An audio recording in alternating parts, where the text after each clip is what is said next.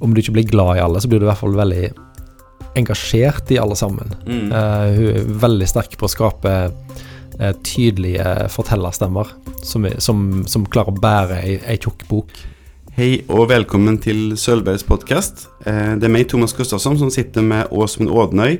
Og vi er inne på den siste episoden i vår eh, Margaret Atwood-kavalkade. Vi går ut med en salutt og et smell.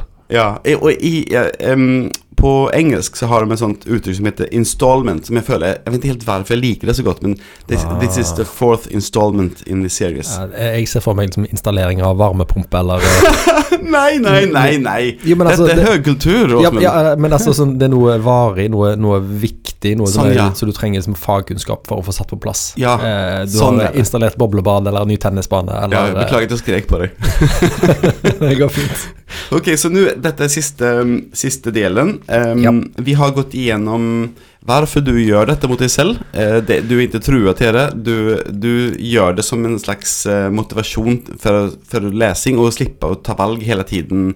Kjære lytter, hvis du sliter med å få lest nok romaner, så er forslaget fra onkel Åsmund Finn en forfatter du er litt interessert i. Mm. Finn lista over eh, romanene vedkommende har skrevet, fra og sorter den fra eldst til yngst. Mm. Begynn med å lese den eldste, og les deg framover i tid. Mm. Og kjenn på en enorm indre mestring, glede, ro, og ikke minst eh, brife materialet for resten av livet. Ja, jeg forstår. Eh, og så kan jo et råd være å velge en forfatter som ikke har skrevet bøker i 50 år. Du, du kan jo velge en som ikke om, om du ikke leser på den sinnssyke effektive måten som Åsmund gjør, og med den selvdisiplinen du har.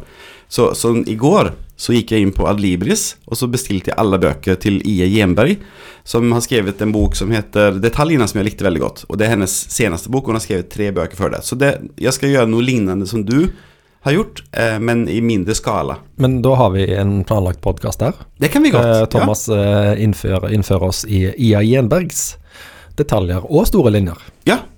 Perfekt. Eh, ja, perfekt. Så eh, det vi skal gjøre i dag, eller, eh, er eh, Vi skal begynne på i år 2000, 2000. ja, faktisk. Og så skal vi gå fram til den siste boken hun har gitt ut, i 2019. Som er en oppfølger til um, The Handmaid's Tale. Ja. Og da begynner vi med eh, år 2000, og det er The Blind Assassin. Ja, The Blind Assassin. Dette er ei perfekt feriebok. Den er tjukk. Den har veldig sånn store sveip over Canadas historie fra 1930-tallet og fram til ja, ganske langt ut på 90-tallet, tror jeg. Um, denne boka fikk da Atwood den veldig prestisjetunge Booker-prisen for. Um, etter Nobelprisen så er vel Booker-prisen kanskje det viktigste prisen du kan få hvis du er forfatter og skriver eller blir utgitt på engelsk. Men det var ikke spesielt eh, fortjent. altså, det er en helt ok bok, men jeg fikk litt den følelsen av at Oi, vi, må, vi har jo aldri gitt denne prisen til Atwood før. Vi er nødt til å gi den til henne. Og så kommer denne romanen. Ehm, Og da, nå begynner hun be- Begynner hun bli litt gammel nå? Altså, det sånn hun tenker at hun må få noe før hun Nei, hun er ikke død når hun var 60 år, men, Ja. men det er det er en bok som er lett å like, da, kan jeg si det sånn. Og det, det er lett å på en måte bli dratt inn i den. Det handler om søstrene Laura og Iris, som eh, er døtre av en veldig rik far på, i Canada på 30-tallet, vel. Um, han, er, han eier en fabrikk og er en, bra fyr. Um, men via eh, litt sånn eh, en dårlig involvering som faren gjør, med et søskenpar som heter Richard og Winnie-Fred Winnie-Fred er da et kvinnenavn, hvis noen lurte. Så blir Iris og Laura sine liv eh, mye dårligere. Altså, Laura gifter seg vel med han derre Richard. Og på side én i boka får vi vite at Laura tar livet sitt eh, rett etter freden har brutt ut i 1945. Og det er den nåtidige søstera hennes, eh, Iris, som forteller Laura sin livshistorie og historien om eh, deres familie og hvordan vi endte opp så dårlig som vi gjorde. Jeg har, jeg har skrevet her at det er en slags eh, Downton Abbey-aktig følelse her. Det er mye sånn eh, pomp og prakt og luksus. eh, men det er òg noe eh, i typisk Atwood-stil, noe mørkt som ligger under der og lurer. Ja, du har skrevet den, den slibrige versjonen av Downton Abbey. Ja, det er, veldig, det er en ganske sånn ekkel, eh, guffen eh, versjon av Downton Abbey. Og eh, igjen eh, maktforhold mellom menn og kvinner, eh, hvor kvinnene kommer veldig dårlig ut. Um, og så er det i tillegg en, en, en roman i romanen her, med at eh, eh, søst, Denne Laura, som er 18 år, som da tar livet sitt tidlig i boka, har gitt ut en roman uh, når hun var liksom i tenårene, som ble, ble enormt uh, kritikerrost. Uh, og boka som vi leser, inneholder òg deler fra denne romanen. Og, det, og det er litt sånn uklart hvem som egentlig har skrevet denne romanen, og hva denne romanen egentlig er et bilde på. Altså den boka i boka, hva er det? Eh, er det en, en, stor metafor for noe i livene deres som de ikke kan si høyt? Så det er, det er en veldig sånn frodig, eh, rik eh, bok, kan si det sånn. Han, han, han spenner på et sånt stort lerret. det, det, er et godt sted å være å lese denne romanen. Eh, kanskje, kanskje faller han litt sammen i, liksom, i slutten, litt som en sånn uh, sufflé som har stått for lenge ute. Ja. Det, det er sympatisk og, og, og, fin bok som, som, vil egne seg perfekt for ferielesning. Men, men, at det var den beste boka som ble gitt ut på engelsk det året, Mm. ja, det kan være, men jeg tror ikke det. Ja, jeg, jeg kjøpte denne boken eh, i år 2000. Da var jeg veldig ny i Norge. Ja. Jeg kjøpte den fordi jeg syntes coveret var kult. Den, det er litt sånn 30, typisk 30-tallsstil, som jeg Ja. synes er veldig En dame med sånn kortklipt hår og Ja. eh, Og så tror jeg sikkert det innvirker på meg at, at den vant den prisen. Ja. Men jeg, jeg leste ikke ferdig den, husker jeg. Jeg har den, tror jeg ennå har den i bokhyllan. Ja. Men eh, jeg har ikke lest ferdig den. Jeg kom aldri gjennom Mm. eh, den. Jeg, jeg leste den eh, på forsommeren på terrassen. Det var en perfekt terrassebok. Mm. Og den har og en av de mest sånne slagkraftige hovedpersonene Atwood har skrevet. Det er da den ganske gamle Iris som forteller oss historien. Og hun er gammel, og kroppen begynner å svikte. Og det legger hun ikke skjul på, men hun har samtidig en sånn enorm sånn fandenivoldsk energi. Litt sånn, du vet de der kule, gamle Ja. damene som ikke bryr seg om å, å holde noen fasade lenger. Ja. Hun er en sånn en. Veldig, Mm. veldig bra, morsom fortellerstemme. Som, er- som er drevet av en slags en indre eh, kraft, som vi etter hvert blir mer og mer klar over hvor kommer fra. Har du lest en bok som heter 'Tillit' av Hernan Diaz? Eh, nei. Han er en svensk-amerikansk forfatter og som eh, skrev i fjor, tror jeg Det var mye snakk om den i fjor høst, var det ikke? Ja, Det var noe børs og greier, hadde det? ja den, den heter 'Trust' på engelsk, som er sånn dobbeltspilt mellom det der eh, Trust Jeg vet ikke hva det heter på, på norsk. Kanskje som stiftelse. Noe sånt. Ja.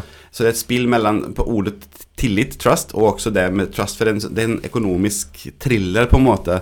Men, men den inneholder også dette med bøker i Det er opptil fire bøker oppi den boken. Ja. Som, som forteller samme, samme historie, fast fra forskjellige vinkler. Og de er uenige med hverandre. Ja, ja, ja. Mm. ja det, jeg, jeg liker den boka i boka her òg, og det er en eh, Det er lett å merke at Atwood på en måte har eh, eh, leker med oss som leser boka, for hun vet jo at vi prøver å tolke hva betyr denne boka i boka. For det, det er noe sånn eh, Jeg husker det ikke helt, men det, det er noe med noe sånn utenomgalaktiske, veldig sånn fantasyaktig bok som er inni denne boka, som gjør at Hæ? Hva, hva, er, hva er det du prøver å fortelle oss her? Hadde du hatt lyst til å lese den boken? Jeg er jo generelt veldig svak på fantasy, Ja. så eh, jeg tror ikke det. Eh, det står sånn her. Dette er en lesefest med litt for pappaktige figurer. Ja, når jeg forberedte meg det, Dette er dine notater, altså. Uh, når jeg Godt sagt. Um, Ja. når jeg um, uh, forberedte meg, så syntes det sto litt for pappaaktige uh, figurer. Pappaaktige, ikke Ja. pappaaktige. De er, dette søskenparet, eh, Richard og Winifred, er Ja. eh, destillert ondskap. Å, er de det? Ja ja, de er forferdelige. Å, wow! Det, det forsto ikke jeg. Jeg trodde at eh, Ok, så de, de Hun som tar livet av seg, Mm. og hennes søster, Ja. de er onde? Nei, Nei. så, de gode søstrene er Laura Ja, ja, og Iris. jeg. De er hyggelige og fine. Mens Mm. eh, Richard og Winfred De kommer inn i livene til Ja. disse søstrene via Jeg tror det er fordi at eh, faren til disse jentene er en businessmann som trenger noe økonomisk støtte der når 30-årene begynner å bli de harde 30-årene. De kan ikke ha lest manualen, de må ha skjønt at de har 30-årene skal bli harde. Ja, det de heter jo det til og med det. Herregud, hva, hva tenkte de med? Ja. Og da, da kommer de to inn som sånne slanger i paradis, og Richard gifter seg jo til og med med denne jenta som er knapt nok konfirmert. Det Mm. er, ja, det er mye, mye fælt i denne boka her, og Mm. den store plot-twisten er kanskje ikke så overraskende hvis du har lest en roman og to før. Men er du interessert i 30-tallet, klassekamp, Eh, Fandenivoldske gamle damer, så ville jeg absolutt lest Ja, eh, du, du sier lesefest. Selv, Det du er ikke sånn udelt positiv, men du sier lesefest. Altså, det er, det er en lesefest. Det er, det er gøy mens det står på, men jeg har ikke så mange Um, varige minner fra den som jeg Nei. har fra f.eks. Tidenes morgen, eller Mm. fra Katteøyet, Mm. eller Gjenkjennelsen. Uh, og uh, særlig Gjenkjennelsen og eh, Tidenes morgen fra 70-tallet er jo ikke lesefester i det hele tatt. Det er jo bare grusomt å lese de bøkene, men de sitter sånn i, da. Mens uh, The Blind Assassin, den, den er gøy mens den står på, og så er det liksom Ja, det var det.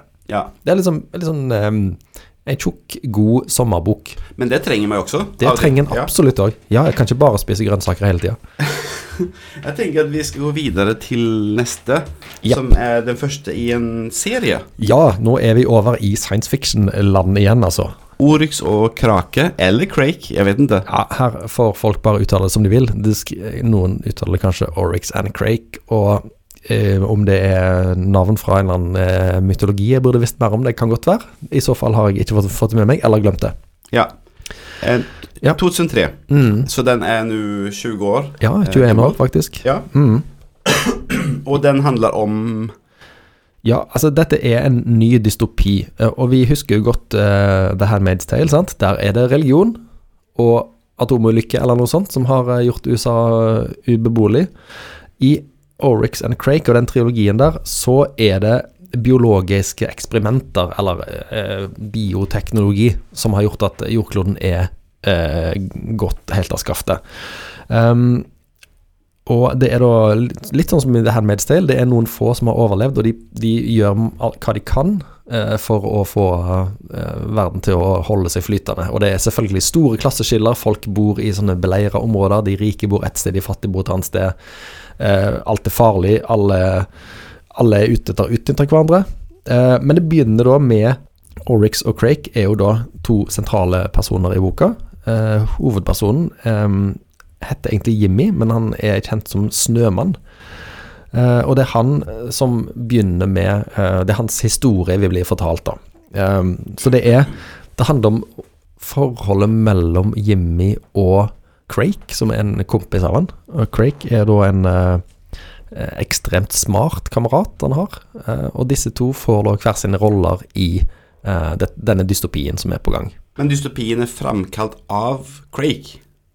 Altså, Craig, han er eh, Jeg vet ikke om vi skal spoile boka, men han, han, han er en del av dette bioteknologiske eh, styringspartiet. Ikke et parti, men altså han er en del av eh, de styrende kreftene Mm. i, i, eh, i denne verden. Han er, han, det er hans eksperimenter, blant annet, som gjør at, at eh, ting går forferdelig galt. Ting kommer ut av styr. Så dette Det var ikke med vilje.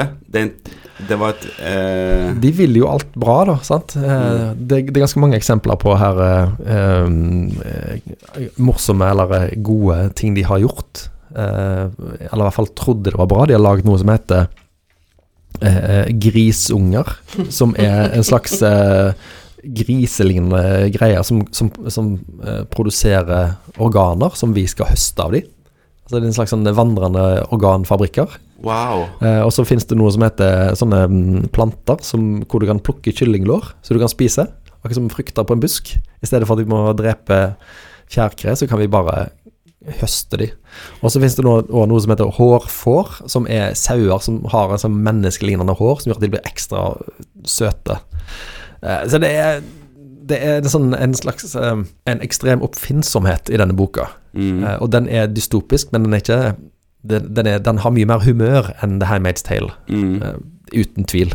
Grunnen til at det, det her biologiske eksperimentet ble gjort, var det å på en måte redde menneskeheten, eller var, det bare forbedre menneskeheten, eller hva, hva var det? Nei, verden er jo, er jo uh, ute og kjører allerede.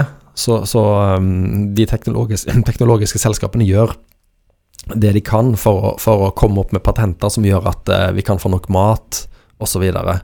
på en god måte. Men, så det er jo når, når alt dette bryter sammen, eller når spleisingen går for langt, og, og ting kommer ut av styr, at, at samfunnet da bryter sammen. Mm. Eh, og ikke minst, så, så jeg vet ikke om det er i denne boka eller det neste i serien, det har jeg glemt, så, så, så har jo denne um, eh, Crake eh, lagt eh, crakers, altså som er mennesker som er menneskekloner, som, som ikke har våre dårlige egenskaper. Åh, Ja, de er, de er helt blå. Og så har de mange ting de, de har på en måte manipulert vekk vår, eh, vår trang til f.eks. Uh, dominans eller aggresjon osv. Mm. så jeg husker ikke om det er i denne boka eller den neste i serien. Så er det mange sånne dialoger som, blir, som er veldig slitsomme å lese, for det er disse menneskene som ikke forstår noen ting, Mm. som skal interagere med oss. Vi snakker på en måte som de ikke forstår, for de forstår ingen. De forstår ikke metaforer, de forstår ikke ironi, de forstår ikke Mm. aggresjon. Ja, det, det, er en sånn- det er sånne, det er sånne, sånne boblende, sydende gryte av dystopi, men òg med godt humør, vil jeg si. Det er en, et slags science fiction, eller Det er en science fiction. Ja. Jeg tror ikke det er sagt akkurat når det skal foregå, men det er uh, ikke i vår tid. Men ikke så lenge til heller. Mange av de tingene du sier, er, er jo sånn som det er nå, med eh, laboratoriekjøtt og e- enormt mye inngrep i naturen med genmanipulering og sånn. Så er hun en profetinne. Absolutt. Ja. Og biologi er jo noe som har stått sentralt i alle eller ikke alle bøkene hennes, men mange av bøkene hennes.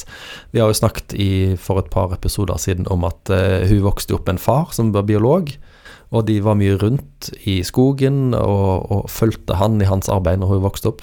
Så dette er jo eh, hennes engasjement for eh, biologi og for mangfold og, Og for, kunnskap Er det, og kunnskap om Mm. det. Er, det er ikke noe sånn du har begynt med på 2000-tallet, for da ble det inn. Mm. Hun har alltid vært opptatt av dette. Mm.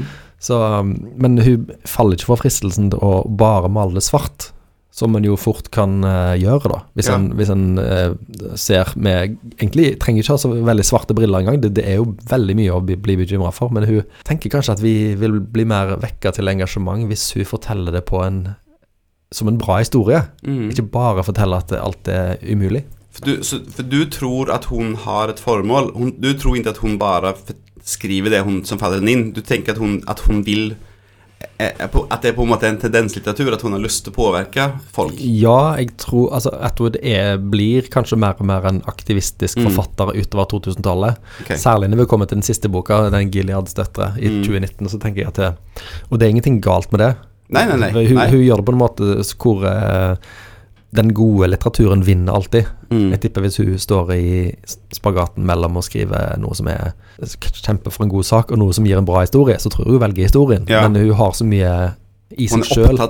Det kommer fram uh, helt naturlig. Ja. Uh, ja. Så det er den første boka i serien, og dette er, så vidt jeg kan forstå, første bok uh, Atwood skriver med en mann som hovedperson. Okay. Altså en tenåringsgutt, Jimmy, som, eh, som ganske ufrivillig blir en nøkkelperson i denne postapokalyptiske verden. Jeg føler at han eh, Altså Det lille jeg har, har lest om dette, så minner han meg om han eh, Arthur Dent i The Hitcatcher's Guide. Ja, det er veldig bra parallell. Han er, han er nå bare der og har den der dumme vennen sin, og så, så er han via masse tilfeldigheter blir han en slags sånn guru for disse menneskekloningene. Jeg liker den, den konseptet med den ufrivillige guruen. Jeg Og synes det Ja. ja, han blir en ufrivillig guru, og de har masse ritualer knytta til han.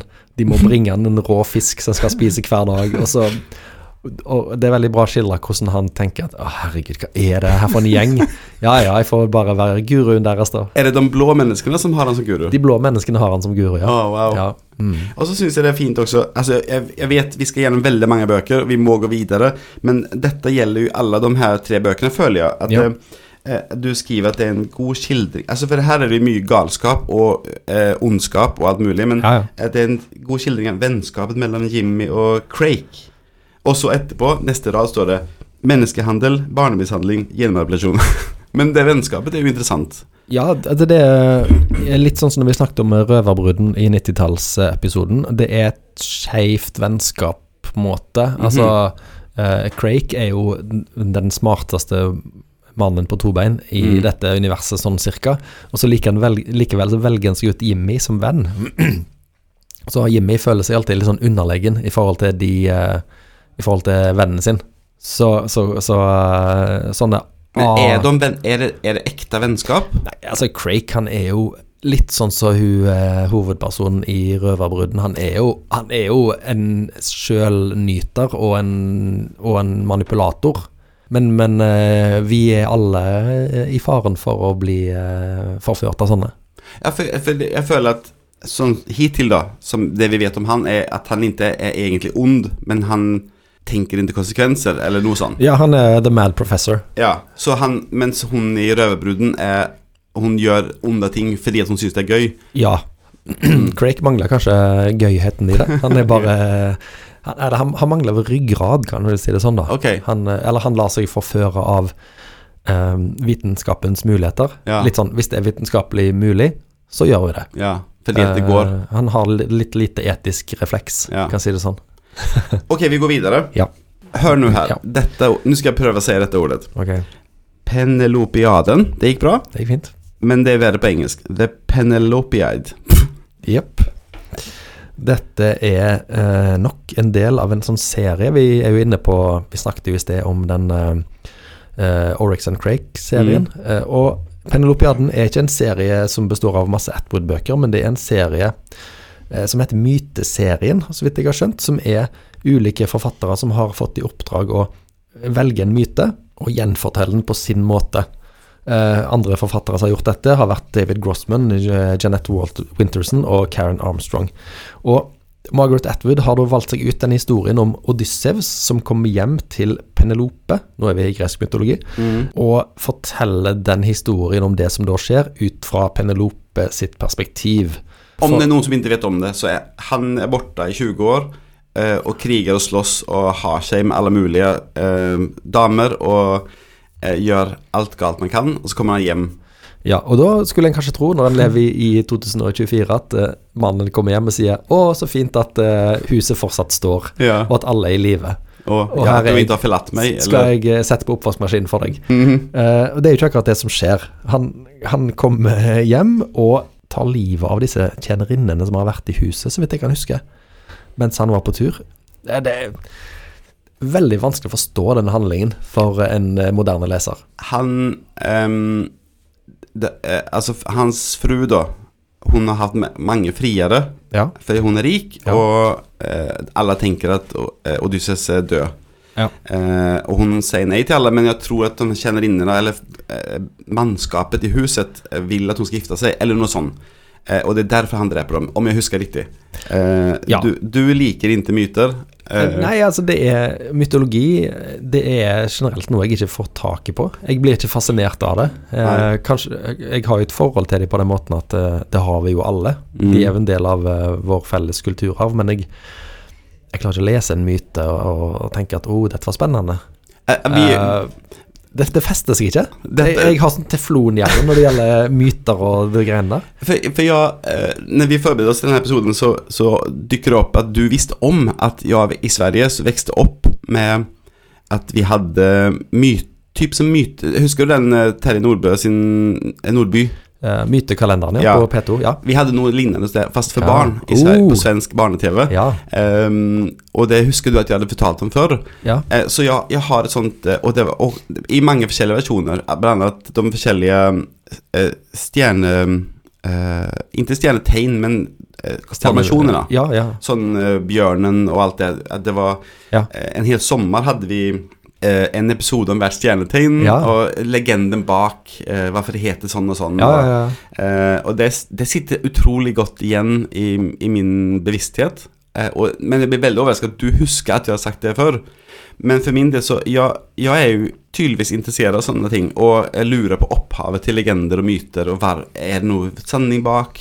Ja. Eh, men mens for deg så var dette egentlig bare Dette tok ikke deg. Nei, ikke i det hele tatt. Det er en, det er en helt sånn eh, greit fortalt, eh, veldig sånn en eh, nedpå fortellerstemme. Altså Oryx and Crake, eh, og, og ikke minst eh, The Blind, Blind Assassin, som vi snakket om før. De er jo fulle av liv og liksom, det er mye sånn eh, som skjer. Mens i Penelopiaden så er det Penelope som forteller historien. Eh, hun er død, men hun forteller historien og fra sin synsvinkel.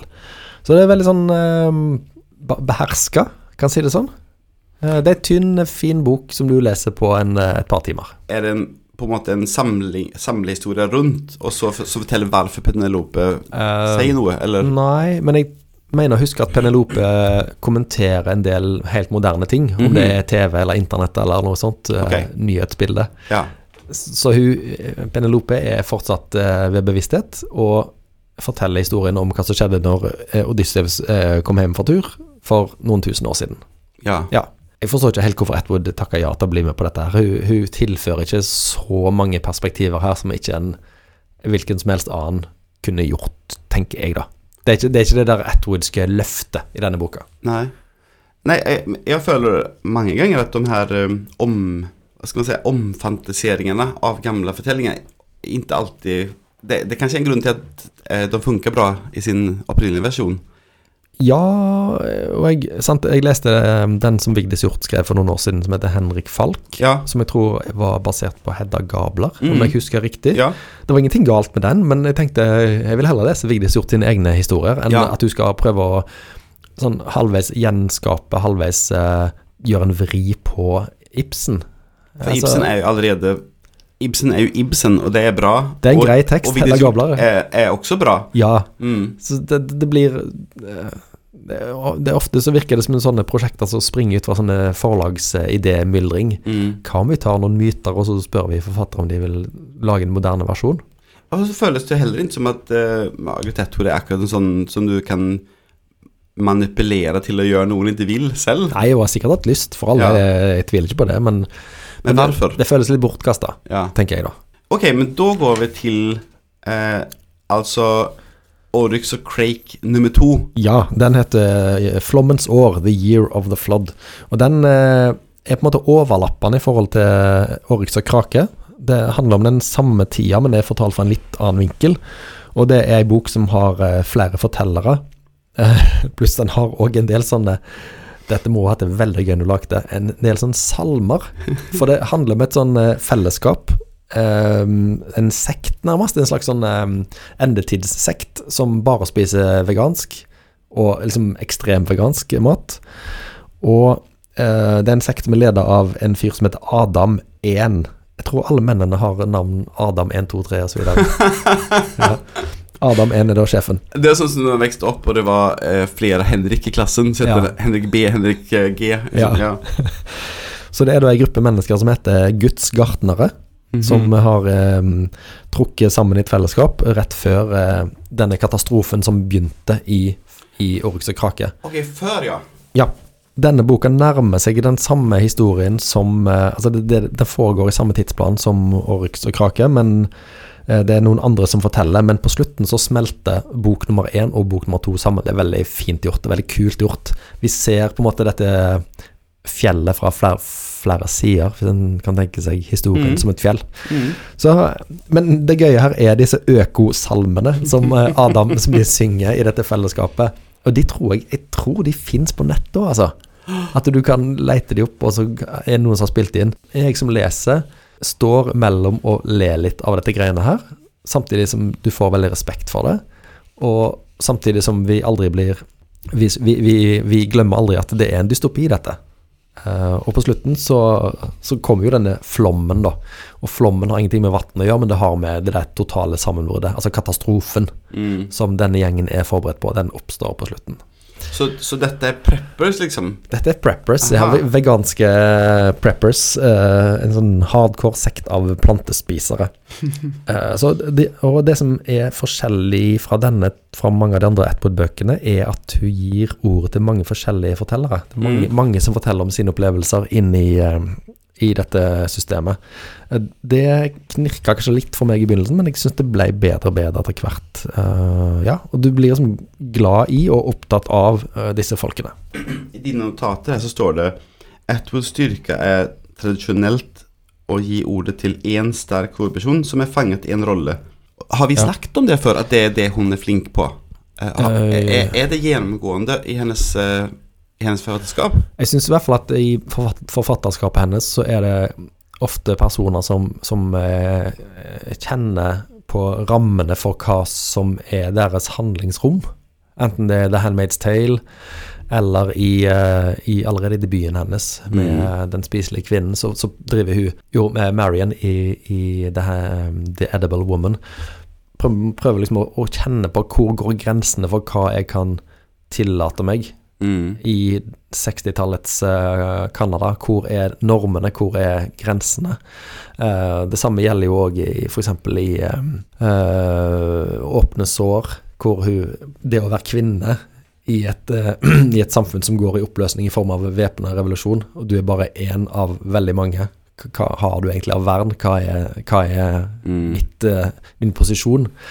Um, jeg syns ofte det er det det handler om, mens i denne boka så er det jo så kjenner jo alle på at eh, vi er like doomed alle sammen. Samfunnet Mm. holder på å knekke sammen, enten vi er- heter det ene eller det andre. Det, det er på en måte en, en kollektivroman, og det hadde ikke ikke skrevet før, så vidt jeg kan forstå. Og Mm. jeg syns det funker veldig bra. Og og det det er kanskje sånn når du er forfatter og du blir oppe i 60-årene, så tenker du at eh, jeg må prøve noe nytt.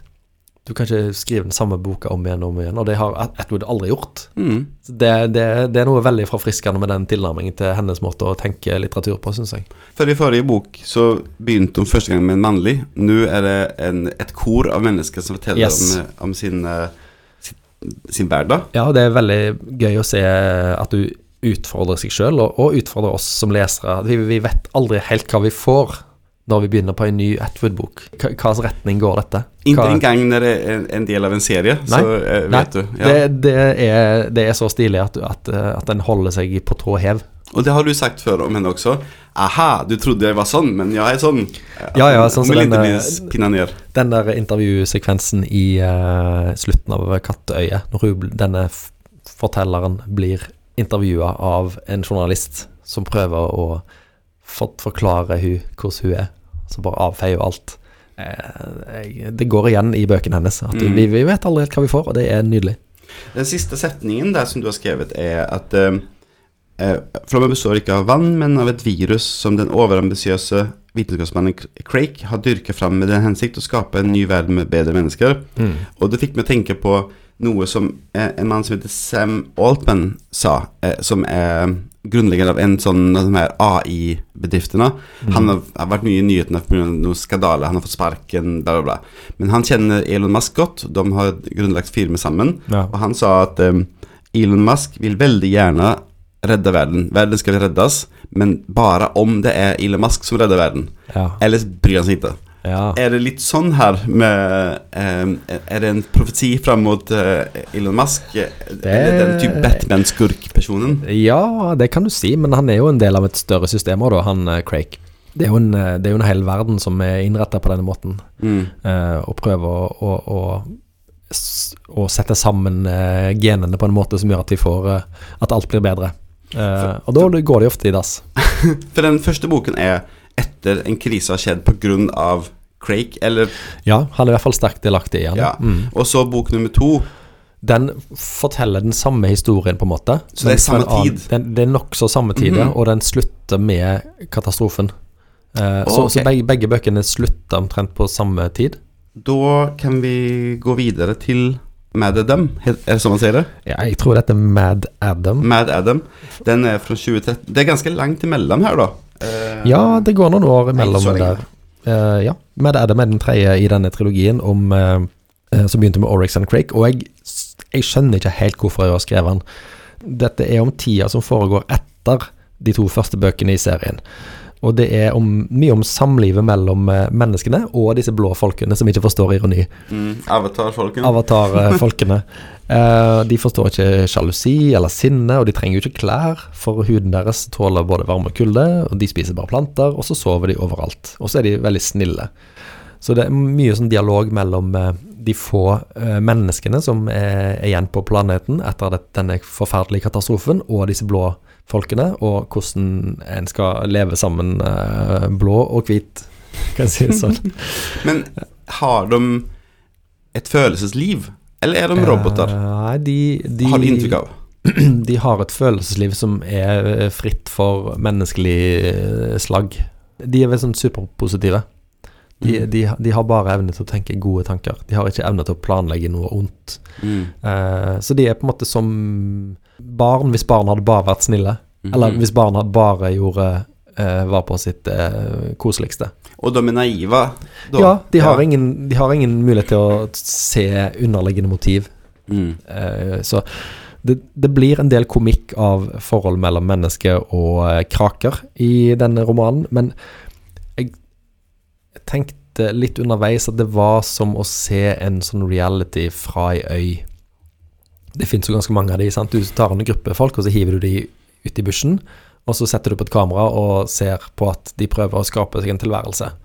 Og det er det Mad Adam, som er avslutningen, handler om. Og vi får vite bakgrunnshistoriene til de som er på samla i denne verden, akkurat som du får i en TV-serie. Uh, så jeg, jeg, jeg syns jo det, det bra med de to første bøkene er at de forklarer mye. De gir oss mye kontekst, men de lar samtidig mye være opp til oss som, lytter, eh, som lesere. Eh, til å, til, å, til å, fylle inn sjøl. Mens i Mad Adam så, så, gna, så, så, er det mye drøvtygging. Da er det, da er det mer repetisjon. Jeg jeg syns det tar vekk en del av, av uh, magien, kan jeg si det sånn, med de to første bøkene i serien. Den, det er en unødvendig tredje bok. Kanskje hun ikke hadde lyst Kanskje hun likte seg godt og ville fortsette? Det er vel derfor alle fantasy-serier er, er, på 142 mm -hmm. bind. For dette du har etablert et univers, og så kan du liksom bare slippe folk nedi der, og så vet du omtrent hva du kan gjøre med dem. Mm. Um, men det, det, det, gikk, den boka gikk for mye i sirkel, syns jeg. Mm. Det, var ikke noe sånn uh, bevegelse framover, sånn som det var veldig tydelig i de to første bøkene. At du skulle ende opp et sted. Her, jeg, her holder det på i 521 sider, og det er det ikke historie nok til, syns jeg. Har du lest noe om hvilken, hud den ble tatt imot? Uh, ikke så mye. Jeg tror den er helt greit tatt imot. Uh, mm. Men det, jeg har skrevet at jeg mener at uh, denne boka ble for mye interiørdekorering. Ja. Og for lite arkitektur. Altså det er ja. for lite bærende elementer her. Det er for mye, for mye dill og dall. Skal vi gå videre til neste vi bok? Vi går videre til neste bok. Skal du lese noen av disse bøkene, så, altså i serien, så les de to første, og les den tredje hvis du ble veldig veldig fengsla, eller hvis du har lyst til å lese mye mer om den gjengen. Det er ikke så spennende det er, en, det er, en, fordypning i samme verden, men det, det tilfører ikke Det er en fordypning i samme ja. verden, ja. Det høres ut som det gøye er borte. Det gøye er borte, ja. ja. Og, og du, det er kanskje sånn at eh, samme hvor du er, enten du er på eh, i, i, bydelen din, eller om du er på eh, romstasjonen, så, så, er det en hverdag mm. som etablerer seg. Mm. Og dette er på en måte hverdagen i dystopien. Ja. Og det blir litt kjedelig, faktisk. Ja. en hverdag hvor det ikke er noen særlig spenning og bevegelse. Den er nå bare en hverdag. Det høres ut som er tingen mellom altså, britiske TV-serier som ofte har få episoder per sesong, og få sesonger for den avslutter, mens amerikanske TV-serier eh, trekker ut det i uendelighet fordi at det er økonomisk lønnsomt. Og at dette siste Ikke det at jeg tror at hun gjorde det pga. økonomisk, men det høres ut som at hun forsøkte litt en gang for mye, på en måte. En gang for mye. Men det ja. kan du aldri vite før du har skrevet boka. Stemmer. Så. Ok, neste bok er The Heart Goes Last. Ja, vi må, vi må, si noe om først om en bok som vi ikke har lest, som, ikke, som ingen får lese på 100 år. ja, ja, hva var det? Det er en bok som ble gitt ut, eller han ble ikke gitt ut. Teksten ble levert i 2014, og den boka heter Scribbler Moon. Og dette er en del av Framtidsbiblioteket i Norge, faktisk, mm. som er en del av Deichmans eh, bibliotek i Oslo. Og dette kan dere lese mer om, vi kan legge ut linker til dette, men det er da, kort sagt en rekke tekster som forfattere i vår tid eh, leverer inn til Deichman. Og de legges i en eh, forsegla safe eller et eller annet, eh, plass hvor ingen vet hvor er. Og de blir ikke lest før om 100 år. Mm. Altså Scribbler Moon av Margaret Atwood skal utgis i år 2114. Mm. Så da må våre eh, oldebarn eh, lage en oppfølgerpodkast mm. hvor de tar med Scribbler Moon i oversikten over Atwood sine bøker. Dette må vi skrive i testamentet. Dette må vi skrive i testamentet, uten tvil. Kanskje, jeg tror at eh, Knausgård har skrevet noe til den. Jeg ja. tror Ocean Wong har skrevet eh, Jeg tror det eh, begynner å bli en stor samling. Ja, det er det. Og sånn som jeg har skjønt det, så er det en skog på Østlandet et sted med noen trær som de har dyrka, og det er de trærne som skal bli til papiret som skal trykke denne boka. Blant mm. annet av, med Atwood og, og Knausgård og Wong og alle disse. Mm. Så det er et kunstprosjekt og det er et litteraturprosjekt som vi dessverre ikke får vurdert i denne podkasten. Det er veldig spennende. Hva tror du oddsen er for at noen husker det om 100 år? Den tror jeg er stor. Tror du? Ja, klart ja. det. Så du tror verden finnes om 100 år? Ja, ja, ja. Mm. Og vi kommer til å lese bøker på papir om 100 år. ja. Men da tar vi Ja. The Heart Goes Last. The Heart Goes Last. Fra 2015. Ja. Å, dette er, det, denne boka likte jeg så godt, altså. Det var, det var den morsomste og gøyeste boka jeg leste i, i sommeren 2023. Mm. Uh, The Heart Goes Last det er igjen en eh, dystopi om framtids-USA. Og den har en helt annen retning enn uh, Oryx og Crake-trilogien. Det handler om Stan og Charmaine, som er eh, to stykk som er kjærester, som bor i USA, som har gått i dass. Der er alt eh, kaos og ulovligheter, så de sover i bilen sin. eh, og de, de, de ser egentlig ikke noe framtid i eh, livet. Så finner de helt tilfeldigvis ut at det fins et eh, en slags en samfunn så de kan få bli en del av. En slags sånn getto, en lykkegetto. Jeg elsker det ordet lykkegetto. Ja, ja, ja. Jeg har strykt under det her. Hva, hva kan vel gå galt? Og da, da melder du deg inn i denne lykkegettoen, og da får du bo i nydelig, en nydelig leilighet. eh, Og du får eh, Du blir passa på av vakter, det er ingen kriminalitet osv. Den eneste lille haka her da er at halvparten av tida får du riktignok bo i, i leilighet sammen med, med partneren din. Den andre halvparten av tida så må du bo i fengsel. Da, da er du sperra inne i et fengsel Hvorfor? for å spare plass. Hva mener du? Det er for å spare plass. altså Du, du tar jo opp mye plass hvis du skulle bo i en hel leilighet. I fengsel så bor du bare på en bitte lita celle, eller jeg vet ikke om du husker ikke om du bor sammen med andre, men, men det er mye mer arealeffektivt å ha folk i fengsel. Og så kan du være glad når du får ut og bo i leiligheten din igjen. Så dette foregår alt sammen Dette foregår i det samme lykkegettoen? Alt foregår i lykkegettoen, ja. Så det blir som, som verdens beste timeshare, liksom? Det er en timeshare du er veldig fornøyd med i halvparten av tida. Og så er det jo da, eh, når de er i fengsel, så bor de jo ikke sammen. Da bor menn og kvinner hver for seg. Aha, ok. så oppstår vel ting her med at han mannen finner noen sånne, der, eh, noen sånne frekke beskjeder, noen sånne, sånne seksuelle beskjeder på en lapp i leiligheten. Eh, For når de er i fengsel, så er det jo noen andre som bor i leiligheten. Mm. Så han blir sjalu på, på det paret som bor i leiligheten når han ikke er der. For det virker som de har et så spennende liv, de andre der som er der halvparten av tida. Så det er en sånn ellevill eh, eh, dystopi, komedie om kjærlighetens vilkår i vår tid. Og eh, denne boka her tar så mange retninger, og den har så mange plott-twister at det er at den, det her må, må bli en film. Den er eh, morsom, og det er mye slapstick, og det er faktisk òg en happy ending her. Du vet aldri helt hva som egentlig er tema for boka, men han ender på et utrolig bra sted, og, og, og har, eh, i motsetning til noen av de andre bøkene vi har snakket om eh, de siste episodene, han har en, en sluttvist som er bare sånn What?! Hallo! Så hvis du har lyst på en, en Hvis du er redd for at Margaret Atwood bare er The Handmaid's Tale, og liksom nå skal vi ha det fælt, folkens, så eh, vil jeg eh, anbefalt eh, Hjertet gir seg ikke, The Heart Goes Last. Det er den mest sånn frydefulle av bøkene hennes jeg har lest. Så kult Ja. liksom, at hun skriver det nå. Og dette Eller- skriver når hun er liksom langt opp i 70-årene. Ja. Så skriver hun en sånn eh, ganske sånn frekk roman om eh, folks behov for begjær, for å bli elska, eh, vår, vår, vår eh, grunnleggende og grenseløse sjalusi. Eh, ja. Samtidig som det er, jo, det er jo forferdelige ting som skjer i denne boka òg. Det, det er jo drap, og det er, det er liksom partering og alt mulig. Men, men det, tonen her treffer så bra, altså. Ok. Jeg ble veldig interessert i denne boken. Ja. Har du sett en TV-serie som heter The Good Place? Nei. Det handler om Det, det er på en måte himmelen.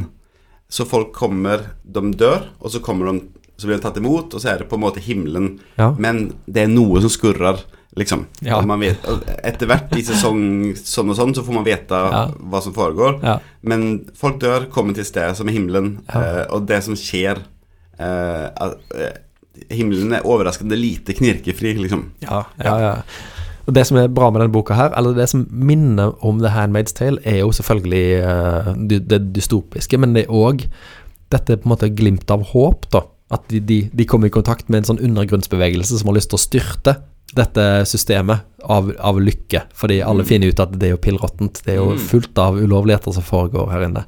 Så det, dette er òg litt typisk for Atwood på 2000-tallet, at det er håp i bøkene hennes. De er ikke bare svarte. Du, hun, du tror hun tar sitt samfunnsansvar og forsøker å Ja, oppmuntre folk? det tror jeg. Mm. Ja.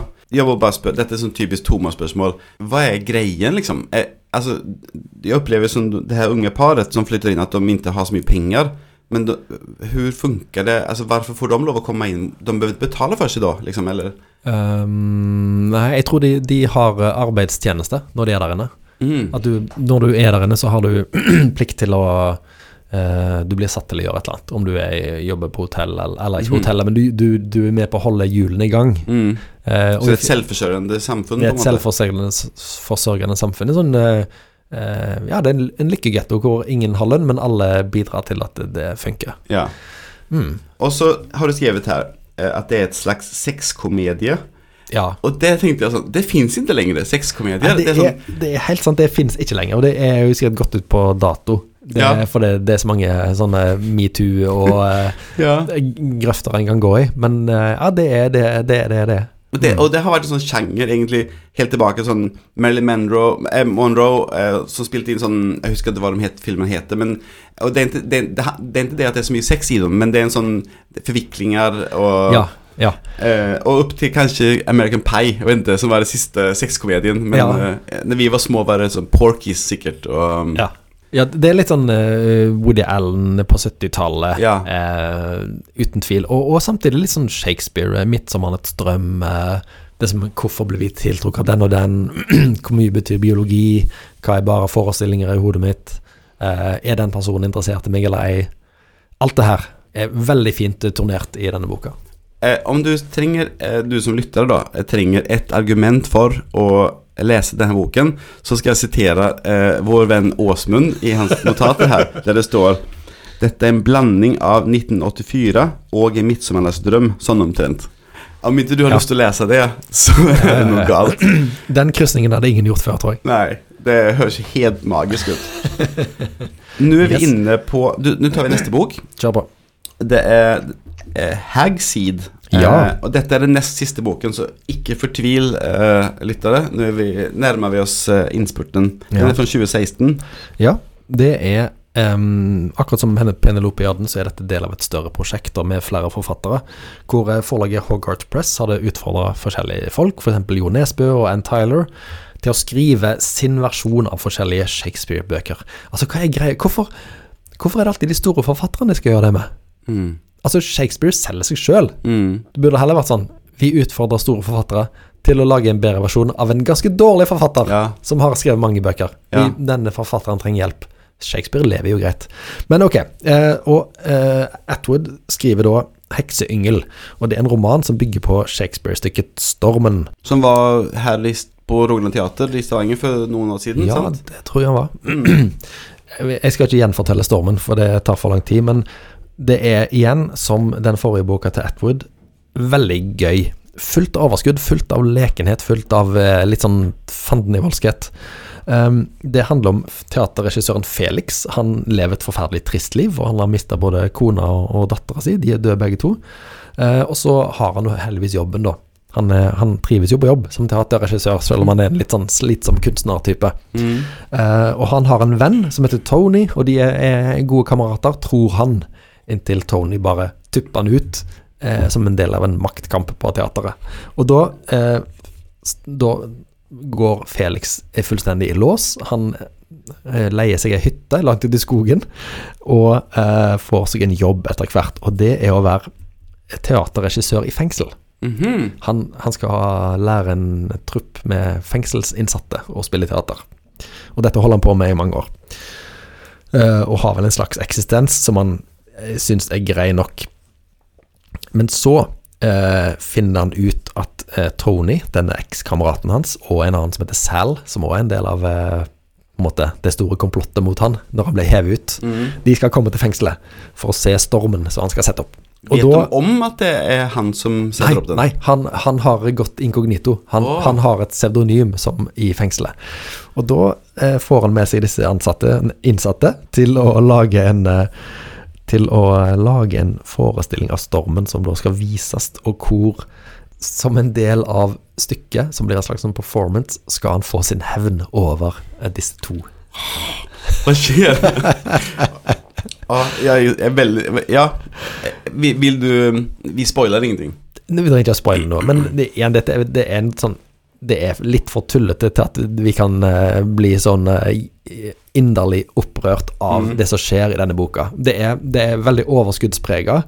Eh, jeg vil tro at du får mest ut av den hvis du kan din Shakespeare, hvis du kan litt om stormen og sånt, men du trenger ikke å, å, å vite dette for å kunne for å få noe ut av det.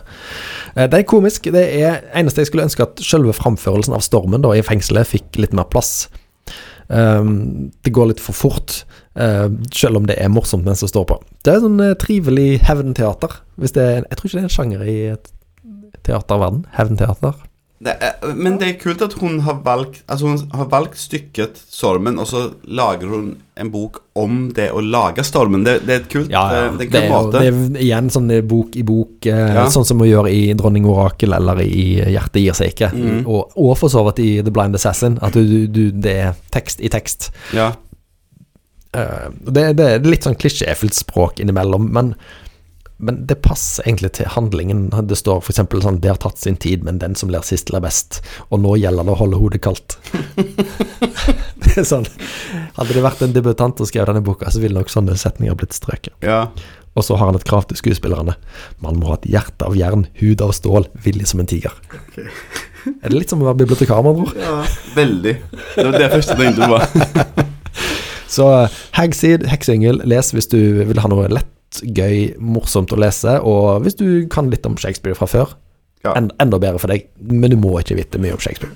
Det, det høres ut som den er litt selvgående. Uh, og det er, jo, Ja, ja, det er jo ingenting i veien for å bare sette seg inn i, i stormen når man vil det. Nei, og igjen, eh, Atwood gir oss håp. Ja. Det er mulig å ta livet, eh, ta saken i egne hender. Det er mulig å komme seg opp fra eh, dypet som eh, Felix befinner seg i.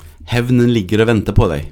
Ja, eller, eller liksom bare eh, det, Livet er ikke håpløst. Nei. Det er mer det jeg tenkte på. Ikke hevn nødvendigvis. Også hevn ligger der. Å, hevn. Ok, er du klar til å gå over til siste bok? Oh yes. Yes.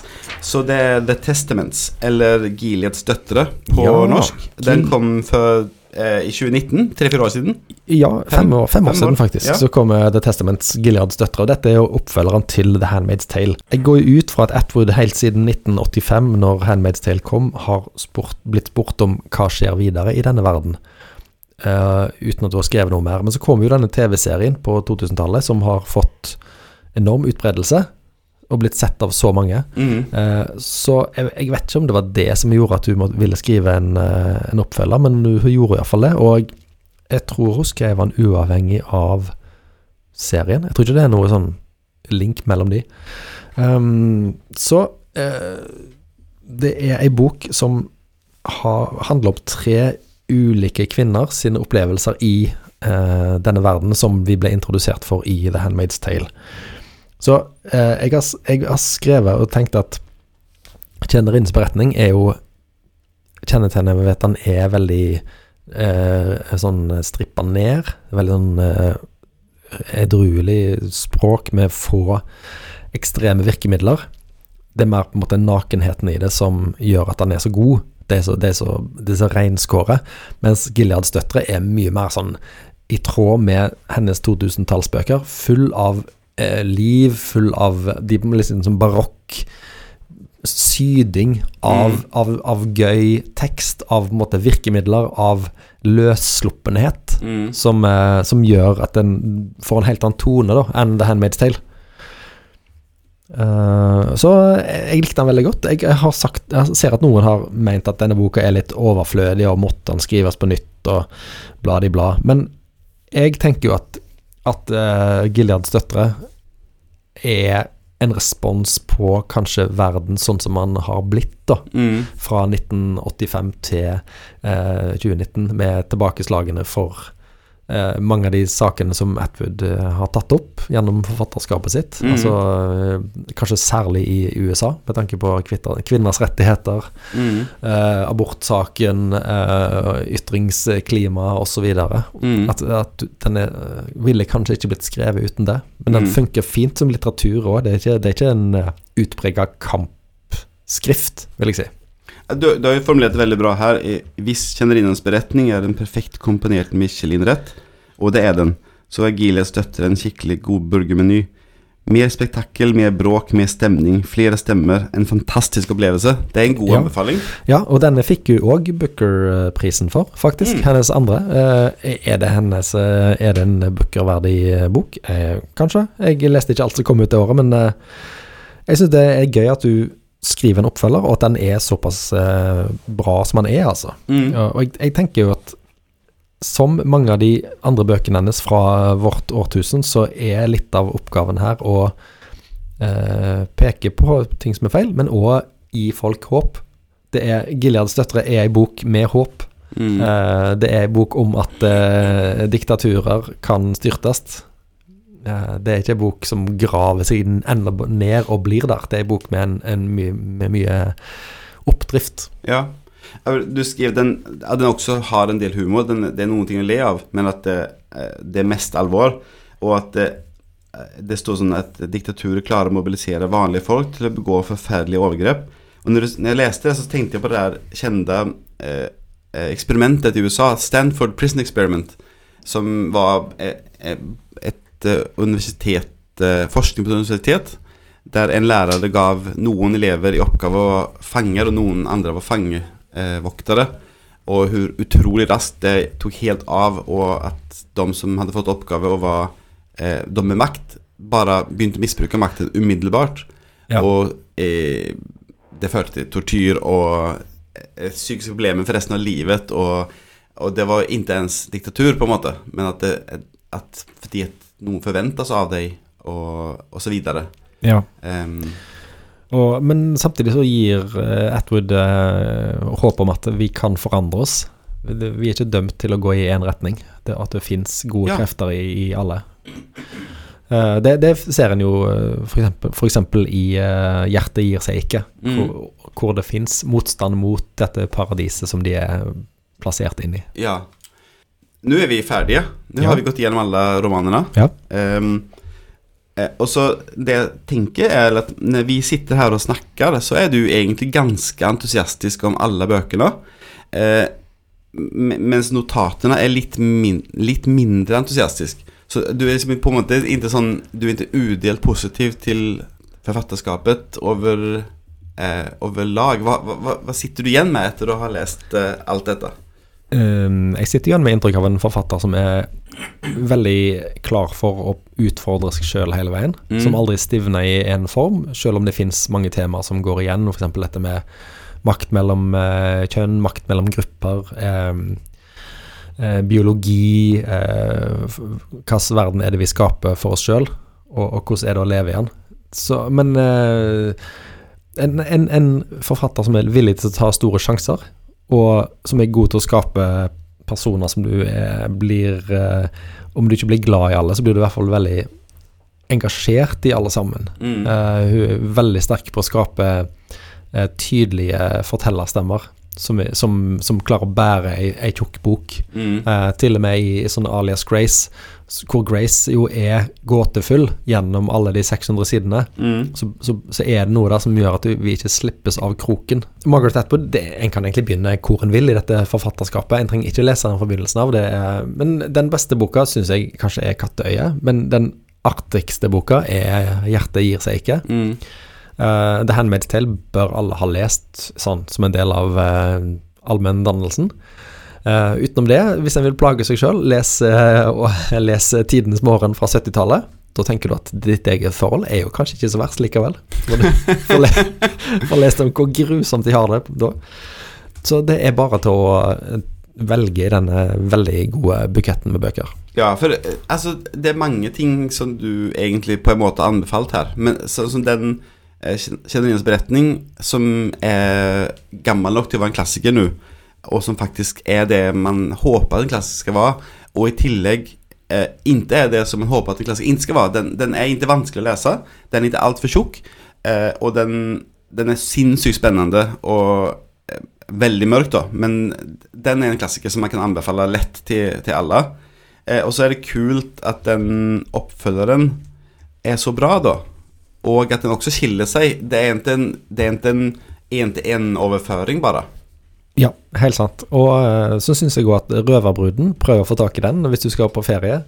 Og eh, les òg gjerne Oryx og Krake i første bind av den uh, biologidystopien. Mm. Den, er, den er veldig kult bygd opp og uh, veldig bra skildra hvordan uh, de beste intensjoner blir til de forferdeligste ting. Ja. Eh, tusen takk for at du har tatt oss med på denne, denne Atwood-reisen. Eh, hva er, du, er du i gang med noe nytt som du ja, vil snakke om? jeg, jeg driver jo nå og leser et kortere forfatterskap, så da leser jeg Dette blir du glad for. Jeg leser alle bøkene av eh, Ja. Vetle Lie Larsen. Å, oh, ja. Mm. Norsk eh, produksjon? Norsk ja. forfatter. Jeg hørte Han var jo her rett før jul og snakket om den nye boka si, 'De stjernekyndige'. Uh. Den har jeg hørt er fantastisk. Nina som jobber her, har Ja. Eh, Ja, så jeg gleder meg til å komme til den. Jeg, jeg var hørte på han han snakket her. Han er en utrolig morsom fyr. Og så syns jeg det var gøy at han snakket litt om de bøkene jeg leste nettopp. Fra ti, tidlig 90-tall. Som, han som han er ganske klar på sjøl at ja, de var ikke så bra. Men han eh, liksom syns han det er gøy, eller sy hva syns han det er flaut, eller liksom hva tenker han om, eh, om eh, Nei, uh, han hadde en uh, ganske stor dose sjølironi. Om det var bare en rolle, eller om han faktisk har det, det vet jeg ikke. Kult. Takk for, eh, takk for dette. Det var veldig kjekt. Men nå, til alle lyttere der ute, minn oss på at vi skal grille Thomas om Ia Gjenberg når han Mm. har lest de eh, tre andre bøkene hennes. Ja. Er de like tynne som detaljene, eller? Vet ikke, jeg hadde fått dem ennå, så jeg Ah. har bare satt min Det spiller ingen rolle, jeg leser jo raskt, men ah, ja, det kan jeg bare begynne med. Jeg har jo masse andre prosjekter rundt det, men dette, dette tre bøker, det går, fyr. det går fort. ja gleder vi til det. Og så må vi ta den store Vetle Lie Larsen-samtalen Ja. eh, når jeg har lest han ferdig. Om Kanskje- noen uker. Ja, før, før sommeren, tror jeg vi Ok, sier. Snakkes. Tusen takk. Hei da.